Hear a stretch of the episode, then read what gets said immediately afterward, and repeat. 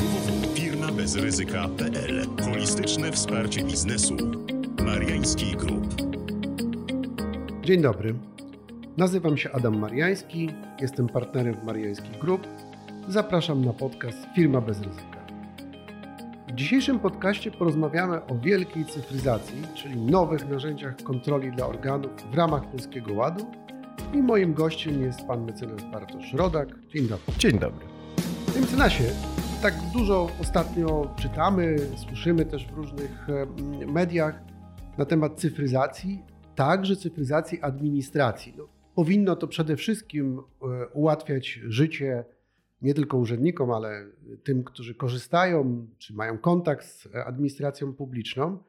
Ale czy ta cyfryzacja to tylko zmierza właśnie ku temu, żeby to było nowocześnie i sprawniej, czy ma może jakieś jeszcze drugie, trzecie albo jeszcze inne dno? Patrząc po tym, jak ona przebiega, jakie są jej elementy, jak e, jest odbierana i e, jak jest krytykowana, to tak naprawdę ten element łatwości dla podatnika jest tutaj przypadkiem, a nie zasadą. Zasadą jest raczej, raczej ułatwienie mm, życia organom podatkowym, to znaczy z jednej strony ułatwienie im gromadzenia danych, z drugiej strony też e, przerzucenie części obowiązków związanych z prowadzeniem takiego nadzoru nad rynkiem właśnie na podatników, bo to podatnik, przedsiębiorca musi pewne dane zgromadzić, przeanalizować, zaagregować, a później przedstawić urzędnikowi. Już nie muszą robić tego same urzędy, tylko dostają takie gotowe pakiety danych od samych e, podatników, więc jest to dość takie ułatwienie właśnie organizacyjne, no mniej czasu muszą poświęcać na to.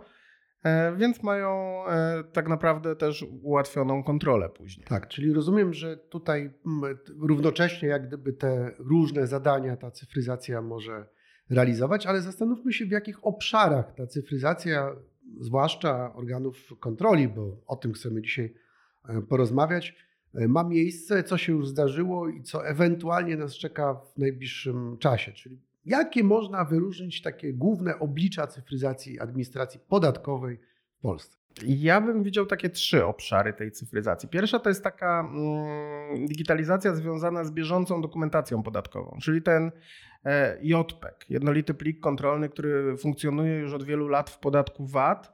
E, składanie deklaracji też e, rocznych, miesięcznych dotyczących zaliczek na podatek dochodowy, gdzie też jest już forma cyfrowa możliwa.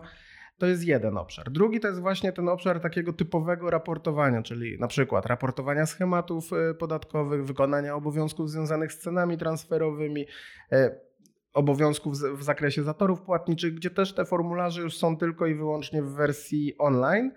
I trzecia to jest cyfryzacja postępowania podatkowego, która no, idzie chyba z tego wszystkiego w takim najmniej mm, zaawansowanym stopniu, bo mamy tak naprawdę tylko komunikację z podatnikiem scyfryzowaną, to znaczy to się może odbywać w formie elektronicznej, natomiast akta w dalszym ciągu prowadzone są w formie papierowej i większość rozstrzygnięć zapada w formie papierowej. Mamy, e, nie ma tutaj pełnej tej digitalizacji. No dobrze, to może zacznijmy od tej cyfryzacji bieżącej dokumentacji podatkowej. E, no jest w ramach tego zakresu można też wymienić takie już znane działania jak EPIT chociażby, które rzeczywiście dla wielu podatników są ułatwieniem e, życia. To nie dotyczy co prawda działalności gospodarczej, tylko innych rodzajów przychodów, ale sam też z tego korzystam. Zamiast odszukiwać jakieś PIT 11, to znajduję już gotowy PIT do złożenia, nawet z ulgą na dzieci, tak jak w poprzednim e, roku. Natomiast oczywiście inne ulgi, jakbym chciał skorzystać, to musiałbym wypełnić. Więc niewątpliwie tutaj ten proces nastąpił on trwał wiele lat, za czym doszliśmy do takiego stanu, jak dzisiaj mamy. No nie ma tak tutaj na razie cyfryzacji rozliczeń mm, przychodów i dochodów z działalności gospodarczej, ale może w przyszłości. Co zatem w ramach tej cyfryzacji bieżącej dokumentacji podatkowej już jest i jakie są plany ewentualnie jeszcze większej cyfryzacji zmian dokonywany w tym obszarze. Mamy tak naprawdę scyfryzowany podatek VAT. Podatek VAT, tutaj jednolity plik kontrolny już w zakresie zarówno części ewidencyjnej, jak i części deklaracyjnej jest w pełni e, online. E, wszystko jest dokonywane za pomocą narzędzi komputerowych. To wdrożenie no, zajęło parę lat i było związane z paroma takimi krokami milowymi, bo najpierw było wdrażane dla dużych przedsiębiorców, później dla małych, średnich, później wywrócono e, system trochę do góry nogami, wprowadzając właśnie ten JPEG dotyczący zarówno części ewidencyjnej, jak i deklaracyjnej. W tej chwili sytuacja się już ustabilizowała, chociaż dalej są mm, wskazywane pewne no, niedociągnięcia tego systemu. Tam jest e, bardzo dużo takich problemów praktycznych, na przykład związanych z klasyfikowaniem i oznaczaniem pewnych transakcji odpowiednimi kodami, które sobie ministerstwo wybrało, i to budzi faktycznie takie e, zastrzeżenia praktyczne. Nowy ład miał wprowadzić mm, w zamyśle cyfryzację dotyczącą CIT-u, to znaczy wprowadzenie jednolitego pliku kontrolnego dotyczącego e, podatku dochodowego, CIT-u i PIT-u dla tych przedsiębiorców, którzy zobowiązani byli prowadzić księgi albo podatkową księgę przychodów i rozchodów. To zostało jednak e, odsunięte w czasie w 2023-2024 roku. Dopiero, chociaż już są też głosy takie ze środowiska przedsiębiorców, że może też i później. Bo tutaj faktycznie no to już będzie kolejny taki bardzo duży etap tej rewolucji, e, jeżeli rozliczenia podatku dochodowego będą e, scyfryzowane, bo wtedy ilość danych, którą uzyska organ, no podwoi się przynajmniej. No bo po pierwsze pojawią się informacje dotyczące amortyzacji, e, dotyczące tego, jakie są środki trwałe, jakie są wartości, skąd się bierze tak naprawdę strata podatkowa u niektórych podatników, co w kontekście tych danych z JPK-u właśnie dla kontroli no, będzie miało kolosalne znaczenie.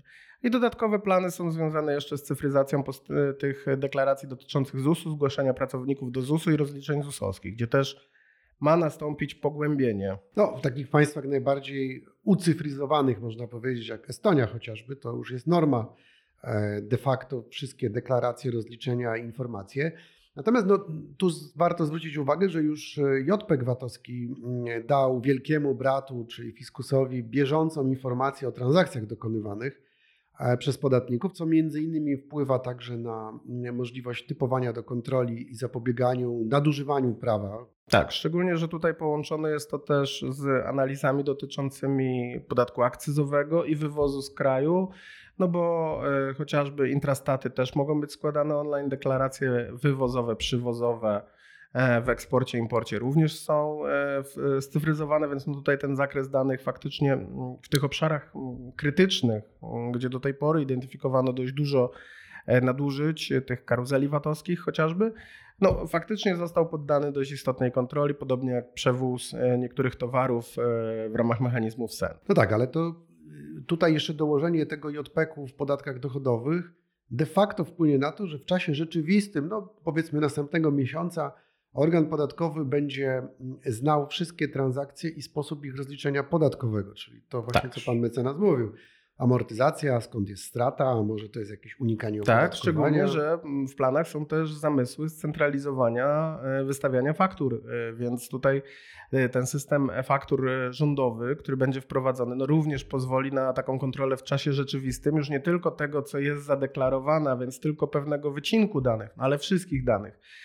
Łącznie z tym, jak my dany towar klasyfikujemy, jaką obejmujemy go stawką, kto jest naszym dostawcą dokładnie, jakie są warunki płatności, przewidziane, czy to jest na przykład faktura zaliczkowa, czy to już jest rozliczenie końcowe, czy to jest na przykład e, jakaś forma zrabatowania, e, czy korekta wynika z pomyłki. Jeżeli ktoś by miał na przykład więcej pomyłek niż przewidziałby to jakiś algorytm, no to może być to później asumpt do kontroli. To też ciekawe w kontekście takich no, zapowiedzi na razie ograniczenia, nawet można powiedzieć likwidacji czynnego żalu, czyli możliwości uniknięcia, uniknięcia odpowiedzialności karno-skarbowej poprzez złożenie zawiadomienia o tym, że się jakiś czyn dokonało i dokonania jednocześnie korekty deklaracji i zapłaty podatku, no bo tutaj organ podatkowy będzie w czasie rzeczywistym wiedział o naszych błędach. Więc tak, pytanie, czy... zapowiedzi są rządu takie, że tak naprawdę czynny żal ma być wykluczony w sytuacji, gdy jakikolwiek organ podejmie jakąkolwiek czynność związaną z no, chociażby zobowiązaniem podatkowym. Więc no tutaj pytanie brzmi, jak to będzie właśnie w kontekście tego, że pewne czynności będą analizowane na bieżąco w czasie rzeczywistym tak naprawdę. No bo jeżeli system fakturowania będzie scentralizowany i ja nie będę miał wyjścia i będę musiał fakturę wystawić wchodząc na stronę rządową albo korzystając z dostarczonego kodu źródłowego rządowego, no to w tym momencie już organ będzie wiedział, o tym, więc tak naprawdę już wtedy wykluczy mi możliwość złożenia, złożenia jakiegokolwiek czynnego żalu. Więc no może to doprowadzić do tego, że ta instytucja faktycznie stanie się martwa, pomimo tego, że rząd zapowiada, że jego intencją nie jest wyłączenie całkowicie czynnego żalu, tylko ograniczenie go. Istotne, ale jednak ograniczenie.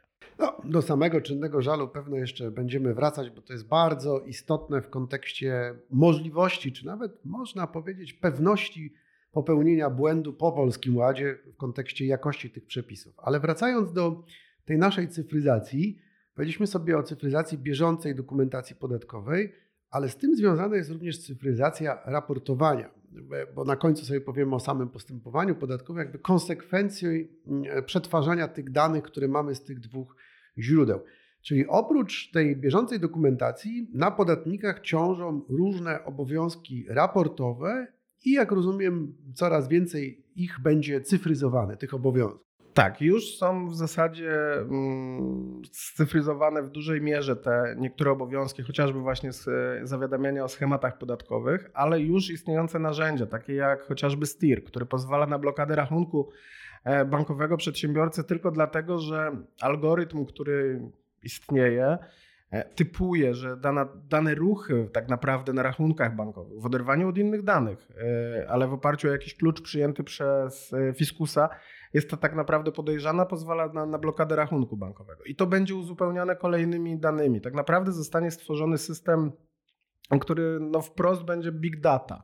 Czyli będziemy mieli agregowane z wielu potencjalnie niezwiązanych ze sobą źródeł, no bo będziemy mieli dane ze STIR-u, czyli z systemu bankowego w e, uproszczeniu, dane z MDR-ów, dane z JPK-u VAT-owskiego, z systemu akcyzowego, z systemu celnego, z danych ZUS-owskich, ale też właśnie z faktur. E, te wszystkie dane będą agregowane w jednym miejscu, analizowane. No to jest olbrzymia ilość danych, ale to jest taka analiza trochę zbliżona do tego, co robi chociażby Facebook czy Google w tej chwili, gdzie z pozornie nieznaczących faktów tego, kogo ja polubię, e, gdzie zajrzę, jest tworzony cały profil danej osoby i jest pod tą osobę przedstawiana później treść marketingowa, to tutaj podobnie będzie działało nasze państwo, tylko no nie będzie nam podsyłało treści marketingowych, raczej będzie nam podsyłało kontrolerów. Facebook, Amazon, inne tego typu podmioty to zajmują się czymś, co już dzisiaj się nazywa hakowaniem człowieka, czyli właśnie zgromadzeniem danych, które pozwolą w przyszłości lepiej robić, e, właśnie dostarczać usługi czy produkty dla takiej osoby. A tutaj Chodzi o to, żeby lepiej poznać, czy ktoś jest uczciwym podatnikiem, tak, czy nie. I podesłać mu kontrolę. I podesłać mu kontrolę. Czyli jak widzimy zarówno z tej cyfryzacji y, dokumentacji podatkowej czy raportowania, no, są pewne ułatwienia dla podatnika, bo już z tym PIT-em nie trzeba biegać do urzędów, można tak, wysłać. Tak, chociażby raport dotyczący, e, dotyczący zatorów płatniczych jest relatywnie prosty. To jest formuła, która ma 7 punktów do wypełnienia. Jest, no, jak się ma odpowiednie dane, można to zrobić około minutę. E, ale jednak, jak się właśnie spojrzy na to tak trochę z, z lotu ptaka, z, z, pewnego oderwania, mając też w świadomości to, że tak, dane z KRS-u też już podlegają cyfryzacji, bo wszystkie dokumenty do KRS-u są składane online. Sprawozdania finansowe są składane online, więc już nawet organ ma tą wiedzę dotyczącą tych zdarzeń, które niekoniecznie mają wpływ na podatek bezpośrednio, ale pośrednio pokazują kondycję przedsiębiorcy. Więc pozwalają zidentyfikować, no, kto sobie może pozwolić na przykład na jakieś transakcje, a kto nie, u kogo te transakcje mają charakter sztuczny, a więc najprawdopodobniej wskazują na ryzyko wystąpienia jakiegoś nadużycia. I dlatego też typowanie do kontroli, do którego jeszcze pewno wrócimy, jest e, coraz lepsze, ponieważ e, liczba kontroli podatkowych w Polsce z roku na rok spada. Zatem skuteczność ich, czyli procent kontroli, które kończą się dodatkowym przypisem tak zwanego uszczuplenia podatkowego, czyli po prostu określenie wyższej kwoty podatku niż podatnik sam zapłacił, zadeklarował, to są coraz wyższe. To już mówimy o przedziale w granicy pomiędzy 80 a 90 parę procent. Więc ta dodatkowa cyfryzacja, która nas czeka, na przykład w zakresie CIT-u czy PIT-u JPK, spowoduje, że jeszcze więcej danych będzie miał organ, które będzie mógł typować do kontroli. Tak, tych kontroli takich normalnych, y, codziennych pewnie będzie mniej, bo faktycznie większość danych no, będzie można zanalizować, mm, to, to algorytm sztucznej inteligencji będzie te dane e, weryfikował i tak naprawdę to sito będzie ustawione zapewne tak, żeby dawać jak największe efekty. To znaczy, wyskakiwać do kontroli będą już te podmioty, gdzie organ na bazie danych finansowych, da, danych z tych wszystkich źródeł, o których dzisiaj mówimy, no, będzie miał prawdopodobieństwo graniczące z pewnością, że znajdzie jakieś uszczuplenie i będzie jeszcze na dodatek pewnie znał możliwości e, związane z egzekucją tego zobowiązania. Bo jedno to domierzyć, a drugie to wyegzekwować. I tutaj organ będzie miał też wiedzę właśnie, gdzie szukać tego majątku, no bo będzie mógł agregować dane z różnych źródeł, nie tylko takich czysto rozliczeniowych. No właśnie, i teraz jak już ma, mówimy o tych samych kontrolach, postępowaniach podatkowych, już pan mecenas powiedział, że tutaj najsłabiej jest z, z cyfryzacją, a ja dodam jeszcze, że nawet jak jest cyfryzacja, to najsłabiej jest jej działaniem. To znaczy, nie do końca przepisy się przyjęły w organach podatkowych, które E, próbują nie stosować regulacji, choćby ordynacji podatkowej w zakresie e, doręczeń. E, I tutaj mamy właśnie taki chyba pierwszy problem, bowiem przepisy ordynacji wymagają pełnomocnikom zawodowym, czyli adwokatowi, radcowi prawnemu, doradcy podatkowemu doręczenie pisma zawsze, każdego, w tym także upoważnienia do wszczęcia kontroli podatkowej w formie elektronicznej. E, nie ma możliwości doręczenia w formie tradycyjnej, chyba że ma to miejsce w siedzibie organu podatkowego. Ewentualnie były jakieś przeszkody techniczne, które uniemożliwiały zastosowanie tej elektronicznej tak formy doręczeń. Ale trzeba udowodnić, że takie przeszkody tak. w tym momencie występowały. No i panie mecenasie, no i mamy taką praktykę dzisiaj, że przychodzą osoby z urzędu i próbują mm, pełnomocnikowi wręczyć pismo w jego kancelarii. E, I co się stanie, jak on odmówi? Doszło do skutecznego doręczenia. No i właśnie tutaj największy problem jest z orzecznictwem sądów, e, bo część sądów administracyjnych mówi, że jeżeli doręczenie było w cudzysłowie skuteczne, to znaczy no, podatnik i jego pełnomocnik zareagowali na pismo, na przykład wnieśli odwołanie od decyzji, to w zasadzie żadna szkoda się nie stała. Pomimo tego, że jawnie i wprost naruszono przepisy. No, przepis jest czytelny, ewidentny, a się go ignoruje. Zresztą podobnie jest jak y, z doręczeniami papierowymi, gdy organ pisze takie, jest taka uniwersalna formułka właśnie postanowienia o tym, że się odstąpiło od doręczenia elektronicznego, bo były przeszkody techniczne. Tylko nigdy nie ma napisane, jakie to były przeszkody techniczne, na czym to polegało. Czy nie wiem, serwerownia w urzędzie skarbowym. Może osoba obsługująca nie potrafiła doręczyć. Dokładnie, jest tylko napisane, że były te problemy i my mamy ufać, że faktycznie tak było. I większość sądów podchodzi do tego w ten sposób. Natomiast są takie pojedyncze jaskółki, gdzie sędziowie patrzą na to z należytą, moim zdaniem przynajmniej, dozą szacunku i mówią, jeżeli przepis mówi, macie doręczać elektronicznie i nie doręczacie elektronicznie, to to jest rażące naruszenie prawa i nie ma sensu badanie, czy to miało wpływ na prawa podatnika, czy nie, bo jest rażące naruszenie prawa. Decyzja jest automatycznie tak naprawdę uchylana albo jest stwierdzane, że w ogóle nie weszła do obrotu prawnego. No tak, ale to też jest tak, bo z decyzją zawsze jest problem, co zrobić, czy się odwoływać, czy nie, bo to jest mm, problem z egzekucją. Ale z innymi pismami doręczonymi tradycyjnie pełnomocnik może postąpić bardzo prosto, po prostu na nie nie reagować, uznając, że nie doszło do doręczenia. Czyli na przykład upoważnienie do wszczęcia kontroli podatkowej doręczone w formie tradycyjnej, pisemnej, bo taka jest teraz nowa moda w urzędach skarbowych, że musi być podpis na tym upoważnieniu. Moda mówię specjalnie, bo to nie ma nic wspólnego z przepisami. Nie powoduje wszczęcia kontroli podatkowej i należy odmówić udziału w kolejnych czynnościach, bo kontrola podatkowa się nie toczy i organ ma duży problem, który sobie sam zrobił. Tak, podobnie problemem jest ignorowanie pełnomocnika ogólnego, bo to jest coś, co ja obserwuję nawet we własnej praktyce. Ilekroć klienci do mnie dzwonią, panie mecenasie, bo tutaj jest jakieś pytanie w ramach czynności sprawdzających, w ramach kontroli, czy nawet w ramach postępowania. I klienci się pytają, no ale przecież pan jest ustanowiony naszym pełnomocnikiem ogólnym, to powinno spływać do pana. No i faktycznie jestem ustanowiony, jest centralny rejestr pełnomocnictw ogólnych, w którym ja jestem wpisany jako pełnomocnik danego podatnika, a nigdy tego pisma nie dostaję, dopóki nie dostanę go od klienta a zgodnie z przepisami ordynacji czynności z pominięciem pełnomocnika tak naprawdę nie miały miejsca. Prawnie, one prawnie nie zaistniały, a jednak organy się tym niespecjalnie przejmują. Czyli to jest ten przepis, o którym mówiłem, że się nie za bardzo przyjął, e, bo każda czynność, także już poprzedzająca kontrolę podatkową, czyli w ramach czynności sprawdzających, musi być z udziałem pełnomocnika ogólnego, o którym szeroko mówiliśmy w innym e, podcaście i to warto sobie odsłuchać w kontekście zabezpieczenia interesu podatnika Niemniej właśnie pełnomocnik ogólny e, i jego usytuowanie miał powodować, że wszystkie pisma w formie elektronicznej będą do niego e, doręczane. No i znowuż brak tego doręczenia w tej formie powoduje, że nie nastąpiło skuteczne wszczęcie kontroli czy jakiejkolwiek innej e, czynności. No dobrze, jak mówimy o postępowaniu podatkowym, to jeszcze mamy postępowania sądowo-administracyjne i tak mnie trochę ciekawi, jak to jest z tą szumną zapowiedzią, że w ramach działań e, antykowidowych, tych różnych tarcz, e, miało nastąpić przyspieszenie postępowań sądowo-administracyjnych, no bo miały się te rozprawy odbywać online i dzięki temu zamiast trzech lat czekania na rozprawę w NSA była szansa, że będziemy czekać ciut ta rozprawa będzie ciut szybciej. Tak, no, z COVID-u wynikało, że przyspieszenie tak naprawdę w sądach administracyjnych miało miejsce tylko w tych okresach, kiedy sądy mogły orzekać na posiedzeniach niejawnych. Czyli pełnomocnicy faktycznie... przeszkadzają, można powiedzieć. Tak, tak, natomiast w momencie, gdy rozprawy online stały się, nazwijmy to, trybem domyślnym działania urzędu, y, organ, sądów, to tak naprawdę sytuacja w zasadzie wróciła do punktu wyjścia tego, który mieliśmy przed y, pandemią.